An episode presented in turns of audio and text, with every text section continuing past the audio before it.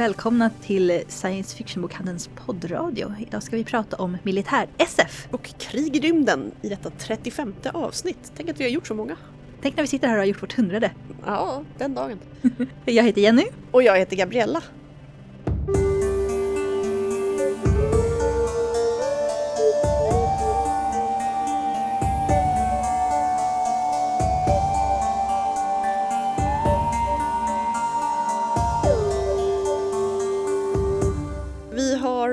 Par riktigt fina gäster i podden idag. De här intervjuerna är inspelade på Worldcon där vi fångade Gene Johnson och Joe Haldeman. Jenny har pratat med David här på bokhandeln om Warhammer 40K. Mm, vi pratar rätt så mycket. Det handlar mer om eh, romanerna och loren kring Warhammer 40K än eh, reglerna. Det är ju ett strategispel men vi tänkte att det kanske inte är så jätteroligt att lyssna på i en podd. Jag hade ju själv bara en vag aning om vad det var, så att jag frågar från den synvinkeln, så här, vad är det här egentligen för universum? Vi får även några boktips från Camilla här i Stockholmsbutiken. Så ska vi börja med att lyssna på Gene Johnsons intervju. Ja. Okay, this is Samuel at WorldCom, and I welcome Gene Johnson, author of Lots of things. Re- yes, uh, for, for example, There's Not a Reason Why. Mostly uh, military sci-fi. Well, actually, I technically have more fantasy romances You out. do? Okay, okay. It's, I have Fair a whole enough. bunch of things out. I, I stopped counting at 23. I hear at the con, have you uh, any panels or something? yes. I, I have been on several panels so far. Let's see Queer Pirate Smut Fantasy, which is a fun one where they had to check ID to make sure everybody was old enough to talk about things. It was a very good discussion panel. I get on a lot of those because I do write erotic fantasy romance and I have written erotic science fiction romance and in short stories and such. Yesterday was Women Authors in Military Science Fiction panel, and I was the women author on the panel. And then oh. they had the guest of honor, Walter, and the moderator. And it was that was a very good panel. We got to discuss a lot of different things, and some authors, of course, have actually served in the military. Ladies who served in the military and even seen combat. And then there's those like me who have not, but everybody thinks I have because I did my due diligence and researched appropriately. So that was a very good panel. And then polyamory in fiction because I'm um, sex positive and so on and so forth. So Yeah. I have a reading today at four o'clock, and then tomorrow I also have character-based military science fiction. So there's that one, and then then then I will have time to do things tomorrow because it's like the spacing has been just such that you know it's like catch a meal. I talk to a whole bunch of people. I go to a panel, and tomorrow I have exactly one thing, and it's early in the morning, and that means I can finally go see other things like the exhibits and everything. Yeah, I haven't even been in the Traders Hall Oh. since Wednesday. Okay. Uh, There's a lot of people to talk to. That's Oh yeah, yeah. that- I, that's a- I, I love talking with, with fans from all around the world. And I, in fact, I apparently picked up some just based on how entertaining I was at some of these panels. It's like, oh, we really like how you talk. Everybody else was boring. And I'm like, uh, yeah, okay. I'm used to myself, so I don't know if I'm exciting or not. and tonight's the Hugos. Uh, yes. Are you um, are you going to attend? Uh, no, because I'm doing sauna instead. And during sauna, right? It's about the same time. That is true. I am so sorry, Hugo's. I, it's, I, would love to one day be even just nominated for Hugo, but this is my chance for a Finnish sauna. And, and it was a lot of fun last time, so I'm going to go do it again. I, I, I have to make priorities. I can attend the Hugo, Hugo's in San Jose if I want. That, that, okay, that's that's it. Uh, do you are, are you rooting for anything? Well, I keep nominating some people um, that I would really like to see their work considered, but they're not exactly mainstream enough to get noticed. One of them, um, and I, I will pimp her work forever, is Brooke Spangler, who writes the webcomic A Girl and Her Fed. And she also puts out novels that are cyborg spy, murder mystery, detective novel, thriller things. And she she did one that was um, a woman who can, the, the main character of A Girl and Her Fed can see ghosts and the Fed is a cyborg that he has an implant in his head. This, this is not my work, this is all Spangler's. But he has an uh, implant in his head that allows him to interface with computers, and for some reason, it also allows him to see ghosts. So they meet and they start investigating this whole conspiracy theory thing. And there's the, the ghost of Benjamin Franklin, who's one of the founding found, founding fathers of America. His whole undead pixie army. Uh, it's long story short. But there's also a super intelligent koala. I I even have some pins on my bag over here that uh, are from that series. But she has some absolutely fantastic novels. I was hoping enough people would read them that she'd get at least on the nominations list for the Hugos. But um, yeah, the last time I voted for somebody who actually won a Hugo would have been Phil and Kaya Folio for Girl Genius. And of course, that was a while, a while ago. I, I, I pick ones I like, not necessarily what everybody likes. Yeah, well, that's actually what you're supposed to do. You pick something you like, and my tastes are not the same as everyone else's. Let's hope these other, for example, Spaniards. Uh, I, I hope she does get noticed. I think a lot of people really enjoy the stories. There's just, you know, a lot of really good authors out there who have not yet been noticed, and I'm, I'm happy to pimp some. If uh, there's another one that I really like is Stephanie Piper. And uh, she's got um, a young adult novel called Sweet Secrets out, and another one called, shoot, it's a road trip comedy thing. Um, it's a comedy of errors where a, an American B-rate actor encounters somebody who can do magic via mathematics. And he keeps doing things that are wrong and people are after him. so Wow. Speaking of uh, speaking of books in general, uh, for uh, listeners who perhaps haven't read your books earlier, quick pitch of a few. Would like uh, Okay, uh, perhaps, um, Well, I've, I've got three different categories. In ebook alone, under the Intermix imprint, these are all uh, released by Penguin Random House under Intermix or Berkeley, which is the romance department, or um, Ace and Rock, which is science fiction fantasy. Under Intermix, I've got the Flame Sea trilogy, which is uh, high fantasy. It's elves from an advanced, magically advanced society go to visit a planet of, of Bronze Age humans, and unfortunately, they're uncovered before they can hide their base. So they have to deal with these people. You know, oh my God, they've, got all these magical powers. Like. They must be gods. We must worship them. No, no, we're not gods. Don't worship us. You must be gods. We must worship you. No, we're please stop worshiping us.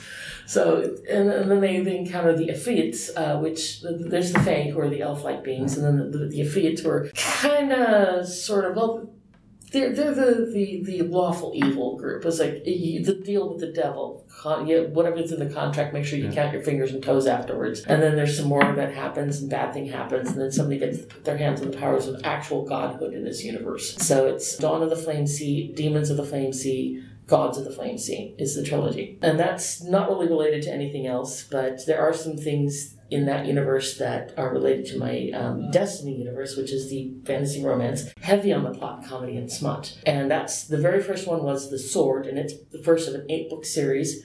And those are available in the regular normal size mass market, and then the slightly larger trade paperbacks, and then, of course, ebook. And that's The Sword, The Wolf, The Master, The Song, The Cat, The Storm, The Flame, and The Mage. That all eight books are out. So I- I've got a lot of books that are out. If you, if, if you like people with backlists and you like discovering them, go look that up. Then the the second octilogy. I don't write small stories. um, actually, really surprised the Flame Sea trilogy came out so small. but uh, the second one is The Guardians of Destiny, and the first three books are out. And that's The Tower, The Grove, and The Guild. And the fourth one in that series, The Temple, will be coming out at the end of the year. I just got an email from my editor, in fact, Cindy Huang, uh, over there at Berkeley. Everybody thinks Ginger Buchanan's my editor because she's been pimping my stuff from Ace and Rock, but she's not. Uh, but Cindy uh, said that it was a very clean manuscript. She had no changes that she wanted, and it goes straight into copy editing. And I'm like, yes, thank you. So that's that, and that's uh, the original story was a woman from our universe ends up in a world of magic, but the plot twist is she doesn't get any magic because you know all the other books is like, oh, I'm in a world of magic, I must have magic too. No, she doesn't. So she has to deal with all these powerful mages. And in this case, she ends up on an island where there were eight brothers who were exiled there because a prophecy was misunderstood. They thought a big calamity would happen to their home empire, so the empire kicked them onto this island. And then from there, it tumbles into a whole large prophecy involving the return of the gods, the convocation of gods and man, where, where the gods actually physically manifest and talk with the priesthoods in person and anybody else who wants to come and petition. So it's basically like a cross between the Olympics and that it happens once every four years and Worldcon in that you have all these panel discussions. Or at least that's how it's going to be run from now on because our the main heroine of the first book, Kelly, ends up in charge of everything. And that's how she knows how to run something like this, and it hasn't happened for 200 years because of a big mistake that happened. That's the Sons of Destiny series, and the Guardians picks up from that point, or a little bit earlier, and there's going to be a demonic invasion, and that's the main plot through all eight books. So if you like that, again, plot comedy and smut, and some of it can get quite smutty, but there's it also can get quite plotty. And then we get over to my science fiction universe, which I have the There's Not to Reason Why quintilogy. Like I said, I can't write small stories, I guess. That started with A Soldier's Duty. That was the Philip K. Dick Award nominee. Didn't win, but I was the, the nominee who showed up. Everybody else was overseas that year, or you know, just couldn't make it for whatever reasons. And I lived in the area where they have the 12K Dick Award, which is for the best science fiction published in paperback in a particular year. Yeah. That was 2011. That was a soldier's duty, an officer's duty, Hellfire, Hardship, and Damnation is the five books. The cover art is absolutely spectacular. I love it. That is a story of a massive precognitive by the name of Ia. IA. Everybody over here will have fun, will be be able to pronounce it correctly. It's short for Iantha, which is Greek, but um, it's no, it's not La, it's Ia. Uh, she's a massive precog, and she had a vision. She can foresee all the future and all of its many possibilities. And she realized that in every single one of them, except for one, 300 years in the future, long after she'd be dead and gone, an invasion force is going to come in and wipe out the Milky Way galaxy. So her entire career in the military is spent building up this reputation so that people will trust her prophecies enough to follow them 300 years into the future to stop it. Ah. And she's fighting three or four wars and this and that, blows up ships and has enemies, and it's been highly praised by most of the military. Uh, not only the Uni- United States military, but many other militaries around the world. A lot of them have accused me of serving in the military. I'm like, no, uh, I am way too plump and slow to have served in the military. I mean, if there were a zombie apocalypse, and I do make fun of the zombie apocalypse in the series too. If there were a zombie apocalypse, I'd probably be the one holding the gate while the rest of you escaped because I know I'm too slow. And then there's a trilogy that I wrote after it, but it's technically 200 years before, and that's the first Salic War series. In the era of Ea, it's the second Salic War. And 200 years before that, the first Salic War, where the Terrans go out into space for the first time and inter- interstellar space, meet other aliens and a group of humans that are not from Earth, or at least haven't been for 10,000 years. So it's more first contact and political, though there is some military, especially in the third book. So it's, I have been working on that particular universe for over 25 years, so there's a lot more to come. There's the Fire of Our Prophecies, there's the Savior from 300 years in the future, there's this, there's that. I think my most current project, hashtag Mabel, a political fantasy, I'm pretty sure is, is part of this universe too. I haven't completely made up my mind, but I'll be doing that reading at four. So I realized that it really fits into this universe. So you know what? I'm just going to run with it. I'm going to say it's part of the universe. Yeah, sounds But it's a parody of what is set next summer. So I have to go home and finish writing it. Sounds really exciting. I highly recommend the uh, There's Not a Reason Why series. It's really well written, the military aspects, and, Thank you. and the plot as well, the, the characters. Speaking of the name, you do make a pronunciation guide at the beginning of the first book. You know, so, so I'm surprised that people are still missing it. But Well, part of that is when you look at the back cover, the font used for the cover back copy blurb is sans serif. It doesn't have those little flicks on it, so the I looks like an L. ah, right, yeah. So people is, is that La? Is her name La? No, it's Ia. And of course you get in there, and the text has serif little pen flicks uh, off the edges of the letters. So it is an I, but people are still thinking that law from the cover. Ah. Or they think it's uh, Ie? No, it's, uh, or Aya? It's Ia, because it's technically Greek Bulgarian, yeah. short for Iantha. Her, full name is Iantha Yulia Quentin Jones. But she uh, changes her name at the beginning of the story to just Ia, mononymic like Madonna or Elvis. Yeah, well, okay, technically it was Elvis Presley, but still.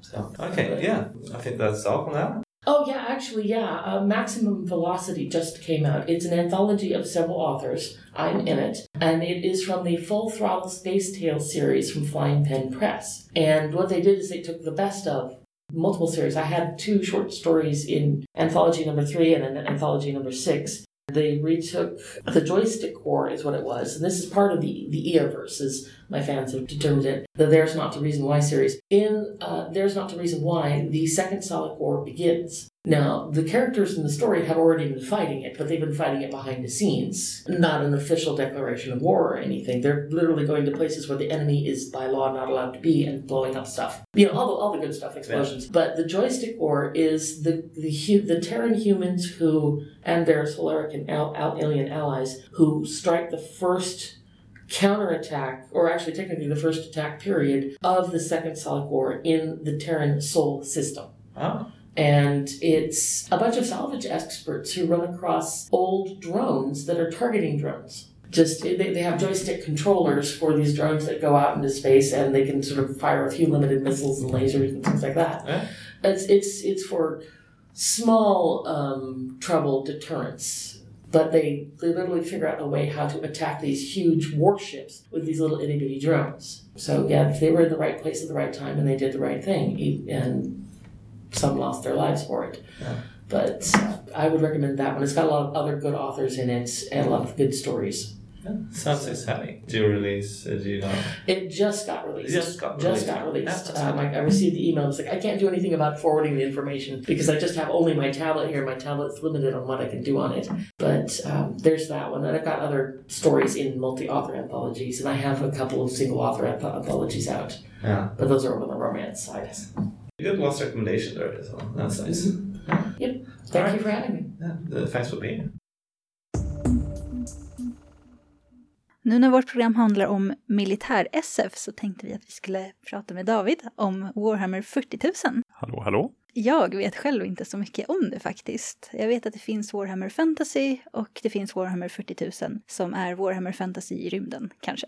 Ja, ungefär så. Det började som det i alla fall. 87 så hade de lite olika gubbar som med roliga skjutvapen och rymddräkter på sig och så tänkte de, "Jaha, vad ska vi göra med de här? Och sen eh, byggde de ett, en Warhammer 40 000 värld runt de figurerna snarare än att de byggde världen först och figurerna sen, om jag har förstått saken rätt.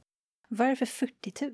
Det var tydligen bara en siffra de slängde fram. 40 000 lät mycket och långt fram i tiden och förhindrar att det är en någorlunda nära framtid man märker att det här kommer inte stämma. Eh, tänk Terminator-filmerna som Ja. redan har hänt egentligen. Eller Tillbaka till framtiden. Ja.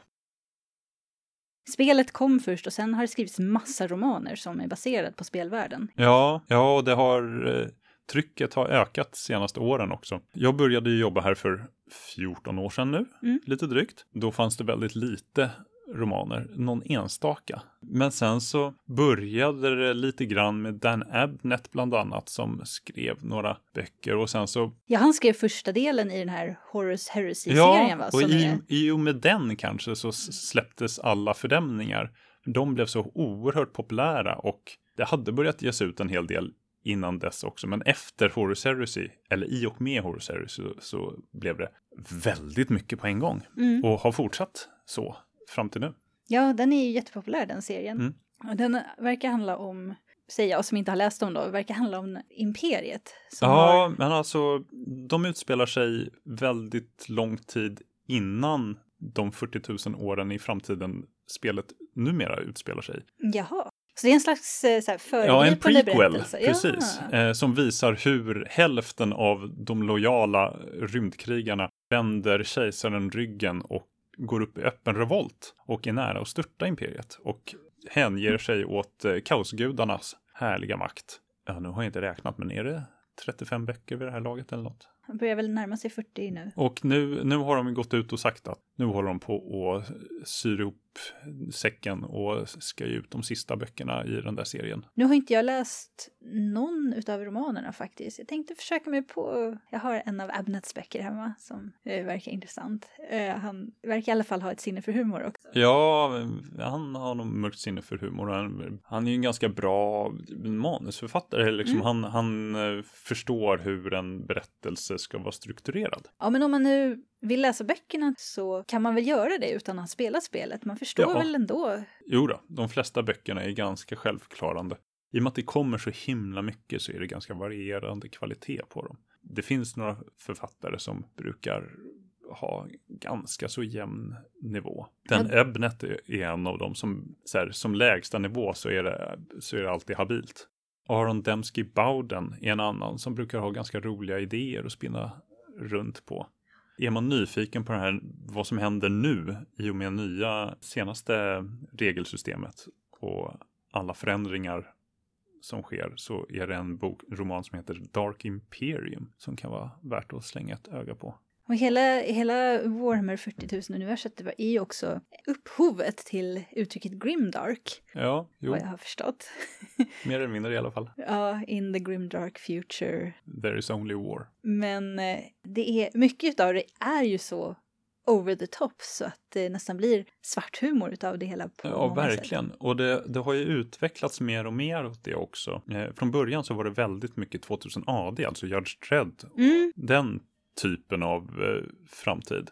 Megastäder och poliser och eh, Space Marines då var någon form av eh, straff.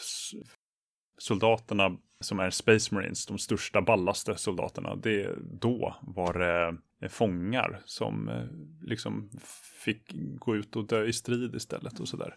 Det är det inte längre. Sen när det gäller romanen då, Mm. så finns det ju där, nu för tiden då efter Horus Heresy så har det ju kommit en massa böcker, inte bara ifrån Imperiets synvinkel utan man kan ju läsa om Dark Eldar och Ja. diverse andra, men också specifika personer eh, i Imperiets armé, eller? Ja, jo då. Och, vissa har ju, vissa har ju blivit jättepopulära. Ja, och även en del eldar är ju jättepopulära. Eller Mm. Gashkul Tracka som är en rymdork som är, har sitt lilla följe med beundrare. Jag har också fått intrycket av att det är ett universum befolkat helt och hållet av män. Men det kanske inte heller är helt sant. Inte helt, men nästan. Alltså kvinnor finns ju såklart, men de är inte soldater och slåss inte eh, generellt. Ibland, det finns lite stridsnunneordrar Mm. och eldar, alltså rymdalverna, de har en del kvinnor. Inte så mycket skillnad mellan vad män och kvinnor gör Nej. bland dem kanske. Nej, och sen så tyranniderna, alien-liknande monster som eh, kommer från eh, någon annan galax eller eh, lite oklart från rymden utanför Vintergatan. Och de vill äta upp allt. De, Allt. de, de, eh, suger i sig biomassa från planeter. De är alla honor. Om jag Ah. förstått saken rätt. Eventuellt att det finns någon, någon hane här. Ja, Men tänk bisamhällen där det liksom är någon form av hive mind och sen är det en massa kvinnliga eh, soldater och pollensamlare. Jag förstår. Så intressant. Ja, min första tanke var ju att ja, okej, det är bara en massa män. Det måste ju finnas, alla förhållanden i serien måste ju då vara mellan män. Men eh, det verkar inte heller vara fallet. Nej, det, det finns väldigt, väldigt lite relationer. Nu har jag inte läst så mycket Warhammer 40 000 böcker senaste åren. Den här kejsaren styr då alltså över imperiet som utgår ifrån jorden. På sätt och vis så styrde han, för i och med den här Horus Heresy Ja, så dör han. jaså? Och hamnar på den gyllene tronen, vilket är en livsuppehållande stasis-tron. Där han, liksom, där han hålls ja, levande död, eller man ska säga. Han är en zombie, mer eller mindre, som inte tillåts dö, för då skulle imperiet kanske krackelera. Och, för att det är hans tankekraft som eh, får rymdflottan att kunna passera genom warpen, vilket är kaosdimensionen. Eh, Så att man kan ta sig flera ljusår på några veckor. Och eh, här så river man upp en dimensionsportal och hoppar genom kaosdimensionen och hoppas att man kommer ut hel på andra sidan. Och utan fyrbåken som är kejsarens sinne så kan man inte hitta tillbaka eller det liksom man, man förloras där inne. Jag förstår. Sen måste jag erkänna att nu, det, det släpptes en helt ny utgåva av figurspelet Ja. som ändå är liksom hjärtat Mm. i hel, hela den här världen och hobbyn nu i år. En väldigt lyckad eh, utgåva av spelet. Det är Ja. roligt. Eh, men där har det för första gången gått några år, i, så det är 40 000 och någonting nu. Där är jag inte riktigt uppdaterad. Kejsar, några av kejsarens eh, förstfödda söner, som alla troddes vara döda, har åtminstone en av dem har eh, visat sig vara i livet nu. En eh, techpräst från Mars har visat sig kunna återuppliva honom. Och, eh, han har tydligen pratat med kejsaren, haft ett förtroligt samtal på något sätt och sen gått därifrån. Man vet inte riktigt vad som hände. Jag, jag är inte ens säker på att kejsaren faktiskt lever nu. Men någonting håller fortfarande ihop hela ja, kejsardömet då. Men så i det här nya figurspelet, är det en fortsättning på det gamla Ja. eller? Ja, det är det. eller det, det är en ersättning av det gamla. Men, Ah, okej. men historiemässigt så utspelar sig några år senare. Det gamla spelet är liksom pensionerat. Ja, Men om man tittar inifrån så är det, det har hänt det som hände i det gamla spelet. Mm. Och det som, nya figurspelet, det är det som händer sen. Hur mycket handling är det i, i figurspelet? Alltså nu, är det, tänker, nu är det ju det här åttonde upplagan av spel, utgåvan okej. av spelet. Ja, Eh, den, den, jag började spela under andra. Första var mycket mer av ett, det man spelade med ett litet gäng figurer Det var mycket, mycket mer regler, det var många slumptabeller och på något sätt mer av en utveckling av rollspelsgenren. Alltså själva grundspelet är ju att man, det är stora slag som man Mm. spelar mot Det har varandra. ju blivit det nu för att sälja fler figurer för att det är det de tjänar pengar på. Ja, man delvis. behöver ganska många figurer för att Ja, kunna... nu i nya så är det ett lite lägre antal för att Ja, är eh, faktiskt. Du, du behöver inte riktigt lika många för att det ska vara kul. Nej, det blir vilket är svårt. skönt. Ja, det, det kan vara svårt för yngre framförallt att samla på sig allt man behöver. Det var, det var problemet med både förra utgåvan av Warhammer 40 000 och Mm. allt förra utgåvan av Warhammer Fantasy Battles. Mm. Att det krävdes så oändliga arméer för att få ut något roligt av det. Men, men själva grundtanken är då att eh, vi har det här imperiet då som kejsaren styr över. Mm. Och sen har vi de andra grupperingarna som då antingen vill störta imperiet eller utveckla egna imperier. Ja, eller försvara sitt imperium som de har, som eh, människorna kommer och försöker. Ja, för kejsarens imperier Är det enda- vidga sig. Ja, det, de är de enda rättmätiga herrarna till galaxen, enligt dem själva. Det är väldigt mycket kolonial makt. Alltså det finns ju andra, det finns Necrons, Necrontyr, de är en urgammal civilisation som har börjat återuppväcka sig själva nu och är typ, tänk eh, Terminator-skelett. De, de har varit någonting annat men har eh, blivit skelett för att kunna leva i frevigt. Och nu har de återuppväckts och inser att herregud, eh, galaxen är inte vad vi minns. Det är massa hårlösa apor överallt. Vi måste, vi måste göra någonting åt det. Och sen finns det ju Tau som är en ganska ung, expansiv ras som är väldigt mycket så här rymdkommunister ungefär. Mm. Eh, Alla för alla, alla för en, så länge alla uppgår i vår eh, ideologi. De vill att alla ska vara vänner så länge, de också, så länge alla blir kommunister. Ungefär Okej. så.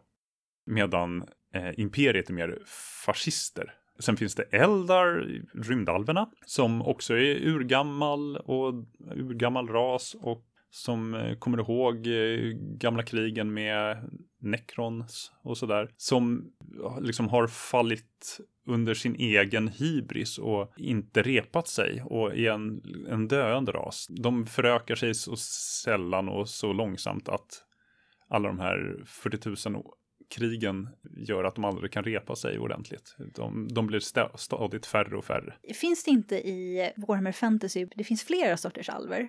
Nu har ju Warhammer Fantasy-världen förstörts. Kaosgudarna vann, hela världen knäcktes och ex- exploderade. Så nu är det Age of Sigmar som är satt några tusen år efter, där Sigmar, den mänskliga guden återfödd på något sätt, har byggt upp någon ny värld som ett lapptäcke av olika dimensioner man kan hoppa mellan.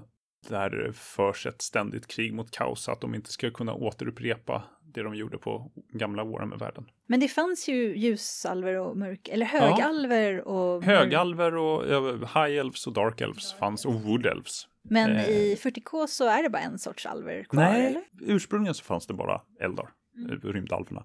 Men sen så var det ju några som eh, tyckte det var gött att bli alldeles för hedonistiska och varpå de eh, på något sätt eh, födde en fjärde kaosgud som sög i sig deras själar och sen dess är på jakt efter fler eldare själar för det är de göttigaste själarna. Och hen heter Slanish, den eh, guden. Det har gjort att det är vissa eldar, de som kallas Craftworld eldar, de har gett sig ut och bor på gigantiska rymdskepp. Så här eh, generationsskepp som de seglar omkring Craftworlds då. Sen eh, för att ständigt vara på rörelse och fly från det här hotet. För att inte bli hedonister igen så hänger de sig hela tiden åt konst eller krig eller någonting annat och försöker bli experter på ett enskilt område i taget och sen går de vidare. Och sen så finns det ju Dark Eldar som eh, bor, bor i någon dimensionsfickor, eh, liksom fickor, inte riktigt i kaosvärlden men inte riktigt i vår värld heller där de har gömt sig och de är de här tokhedonisterna som eh, Craftworld eldar försöker att inte bli. Och de är hela tiden på jakt efter offer för att sl- själva slippa bli offer. Så de är ute och jagar andra varelser för att dra med till sina tortyrkammare och göra icke-saker med. Och sen så finns det de som försöker klara livhanken utan att bli själasugna genom att liksom gå tillbaks, förkasta allt det moderna, åka till eh, djungelplaneter och rida på dinosaurier och sådär. Det var de som såg varningssignalerna och gav sig iväg innan Slanners föddes. Men det här är ju ett enormt universum och Ja. är det mest på rymdskepp eller handlar det mycket om planeter som erövras? Det handlar mest om planeter, det är ju där folk bor och lever ändå. Ja, och för att återgå till det här med förhållande då som jag pratade om för ett tag sedan. Just det. Jag upptäckte att det var fler som hade ställt sig samma fråga på nätet. Jaså? Är alla, är alla Space Marines eunucker? Men eh, det verkar inte som om de riktigt vet, för Nej. det tas aldrig upp. Det, de plockar ju ur och sätter i ett extra organ och tar bort saker och sådär m- i processen att bli en Space Marine. Men huruvida de kan få barn eller inte, det... Ja, kejsaren har ju i alla fall barn. Ja, fast de togs ju som, och det är ju hans kloner. Det är hans kloner. Han, han har inte gjort någon på smällen, mig vetligen. In, I alla fall inte på några tusen år. Nej, kloning funkar ju uppenbarligen. Ja, synd bara att hälften av dem blev förvridna av kaosmakterna. Nej, de flesta svaren verkar vara att eh, inte bara Space Marines heller, utan överhuvudtaget i böckerna så är det, kvinnorna är ju ganska frånvarande. Ja, de, det görs lite försök här och där att introducera några, men Mm. det finns inte så många som har fastnat.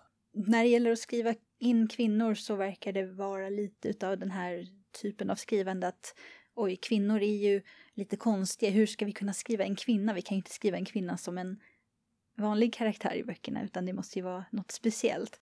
Och jag tror att det kanske är därför som det har blivit lite svårt att lyckas. Det brukar ofta vara det som är problemet. Sen är det ju också mycket det här att hela den här, de har ju skrivit in för ganska länge sedan nu, bara män kan bli Space Marines av någon, ja, någon genetisk anledning. Lite vagt.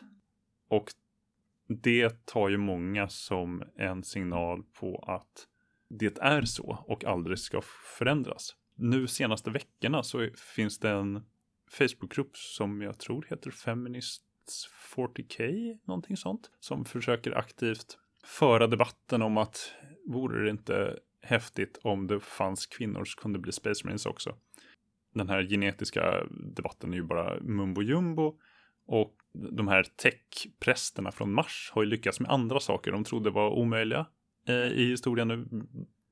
Och tekniska framsteg görs ju även i en mörk framtid 40 000 år eh, framåt när alla är teknofober, eh, vilket de är.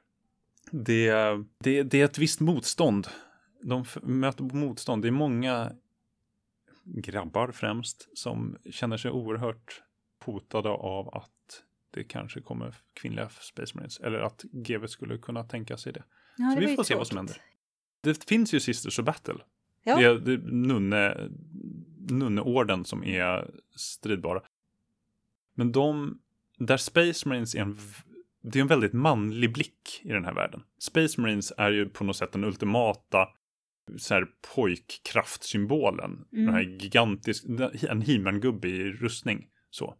Och de här stridsnunnorna går ju omkring i regeltekniskt i spelet en lika tung rustning. Men det ser ju ut som någon krinolin i tunn plåt. För att få väldigt snygga figurer och väldefinierade tuttar. Naturligtvis, Ja. det är ju viktigt. Eh, och det är lite tråkigt. Det skulle ju vara Alltså- mycket ballare om man kunde ta en Space Marine rustning ersätta huvudet med ett kvinnohuvud. ja, men För det är att lite... rustningen ser ju detsamma ut. För en Space Marine är en Space Marine, Ja. eller hur? Va? Precis. Eh, Det är ju stor det, är- det, är det stora muskulösa, väldigt hårda man vill åt. Och det är synd att kvinnor inte kan få ha den liksom kraftfantasin. Mm, precis. Kvinnor drömmer ju lika mycket om att utföra hjältedåd som män.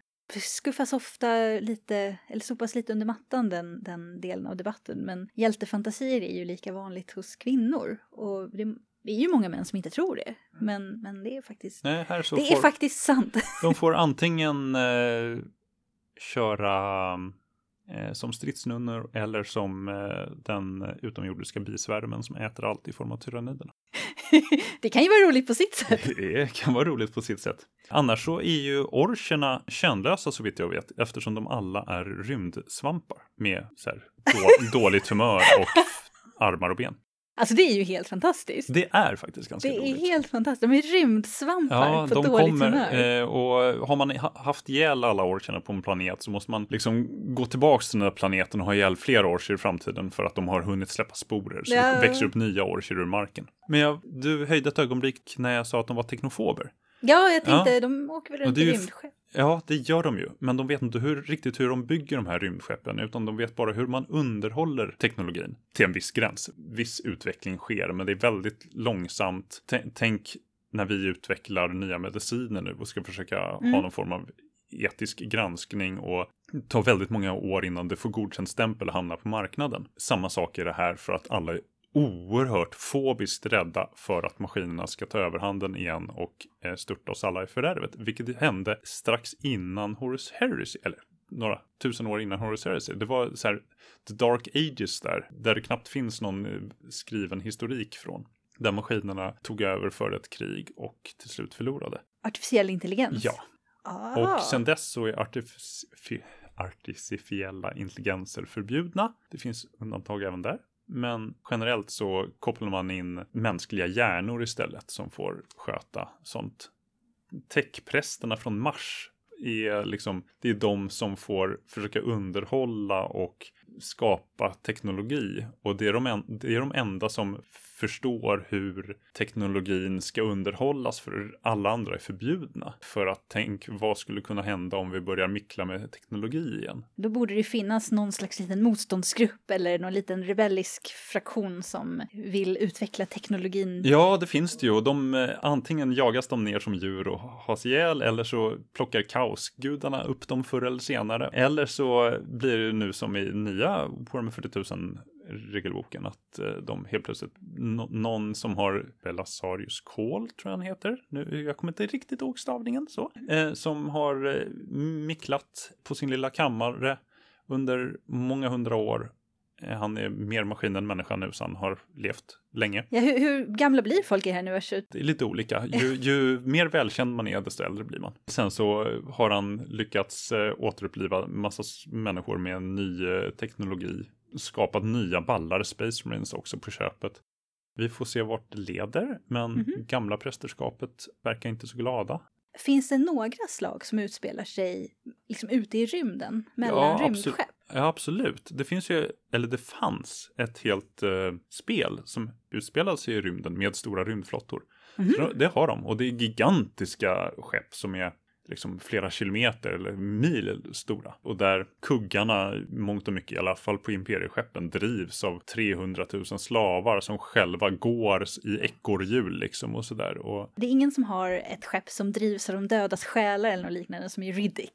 nej, det skulle möjligtvis vara kaossidan då. De, de har ju sina demonskepp Ja, så, som drivs av eh, demonenergier. Så absolut, det finns, eh, det finns stora rymdflotter och som dundrar, dundrar mot varandra mellan stjärnorna. Det är inga problem att hitta sånt.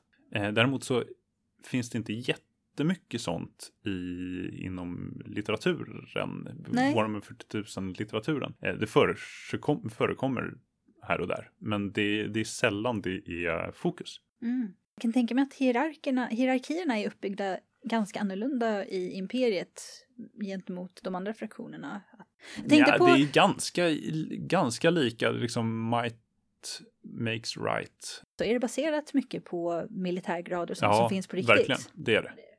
Eh, rymdflottorna är ju separerade från, alltså det finns Imperial Guard Från marktrupperna? som är marktrupperna och efter Horus Heresy så liksom gjordes det svårare för de olika delarna av militären att göra uppror. Så efter det så liksom splittrades allt.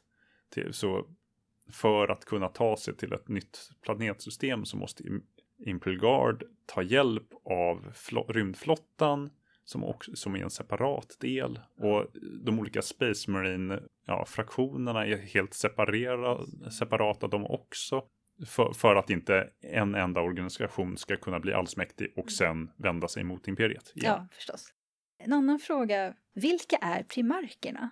Det är ju kejsarens söner. Varav hälften har blivit förvridna. Ja, och de föddes i provrör någonstans för i urslemmets tid. Men liksom lagom till att de skulle förenas med kejsaren så hände någonting, lite oklart vad, och de spreds för, ja, spreds i galaxen. Hur många är de? Primarkerna, de var 20 till antalet. De, de spriddes av kaosgudarna, antar man. För att kaos inte ville att kejsaren skulle ha 20 kloner av sig själv. De hade problem nog med honom. Det finns eh, en hel bokserie som handlar om, om dem, som heter The Primarchs.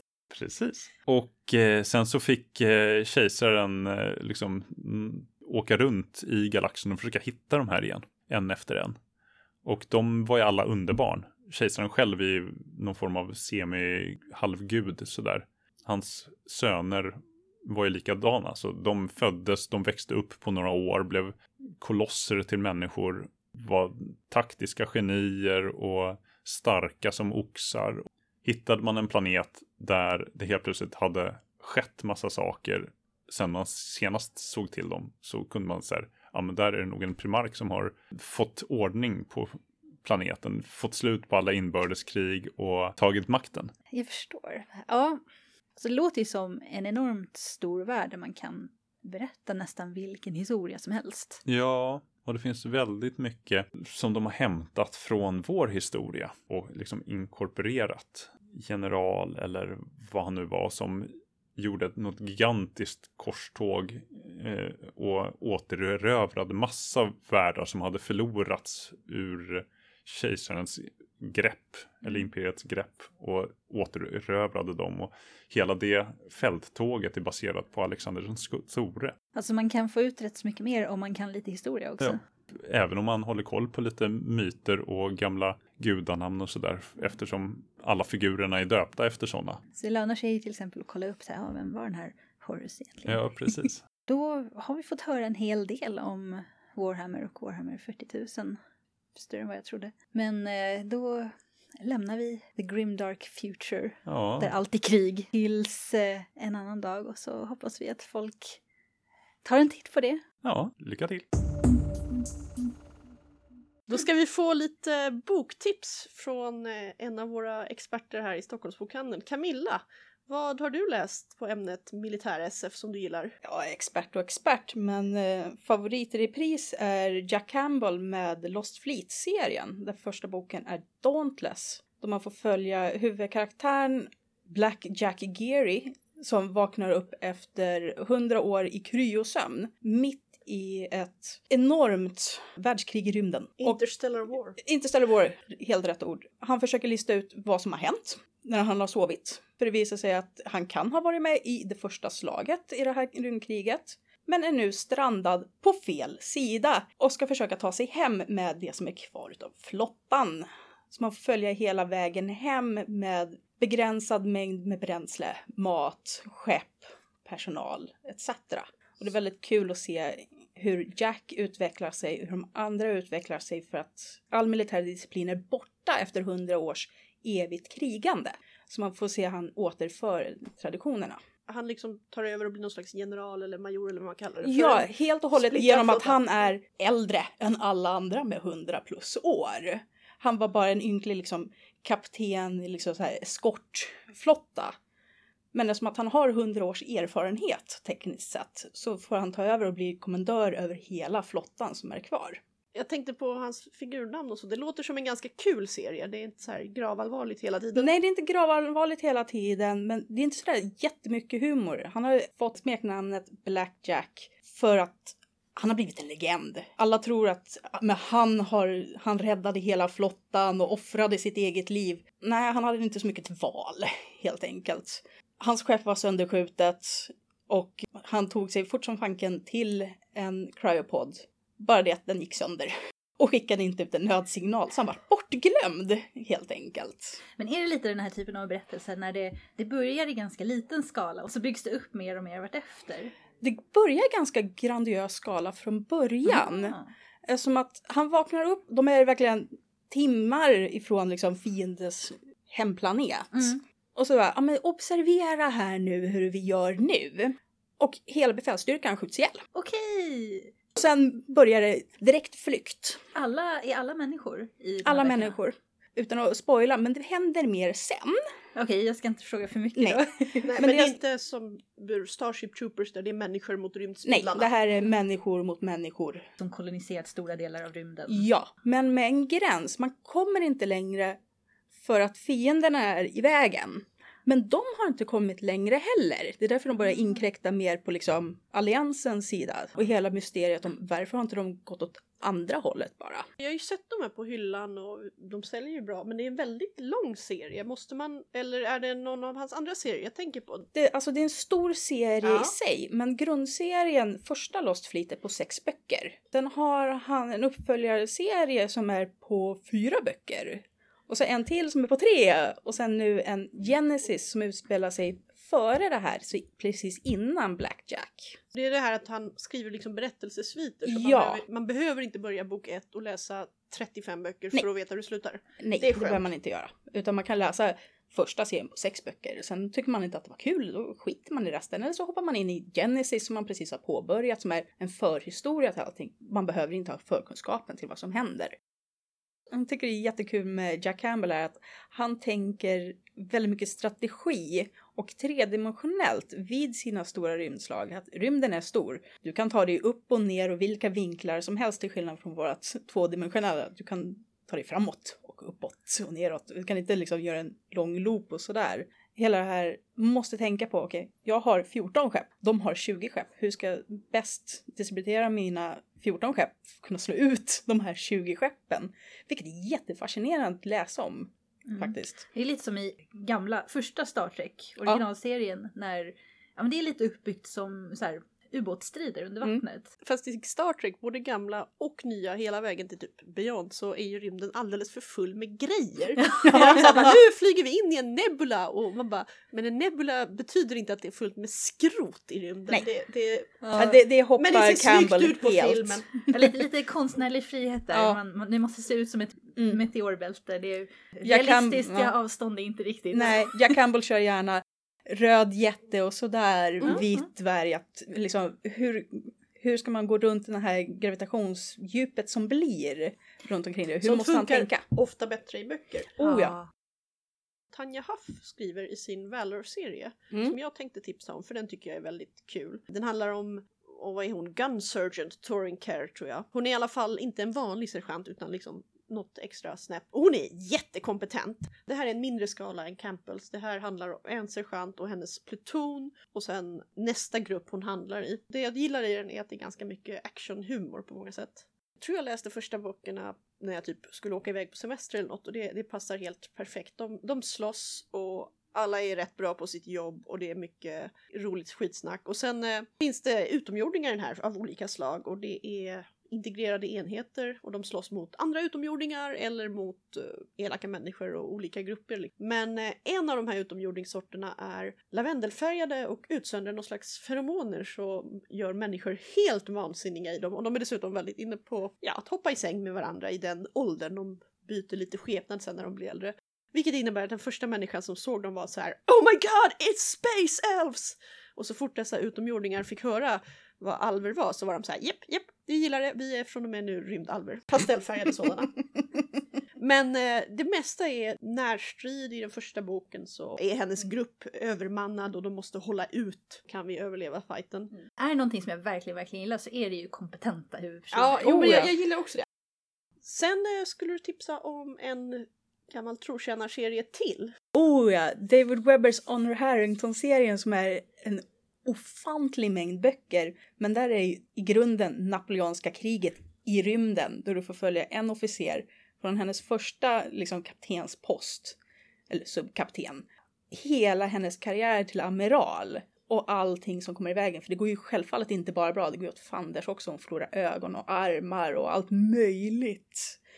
Men där handlar det Ja. också jättemycket om kompetens. Oh ja! Jag har ju läst bok ett och hon börjar ju verkligen i underläge. Oh, gud ja. Och hon har så många emot sig och hon har de här högt uppsatta personerna som, eh, vi ska inte avslöja för mycket då eh, om handlingen, inga detaljer, men som vill sabotera henne Åh, av olika ja. anledningar. Ja, men det är därför hon får det här skeppet som har det mest liksom, inkompetenta gänget officerare och manskap överhuvudtaget. Så bara, du tar hand om den här rymdstationen nu. Va?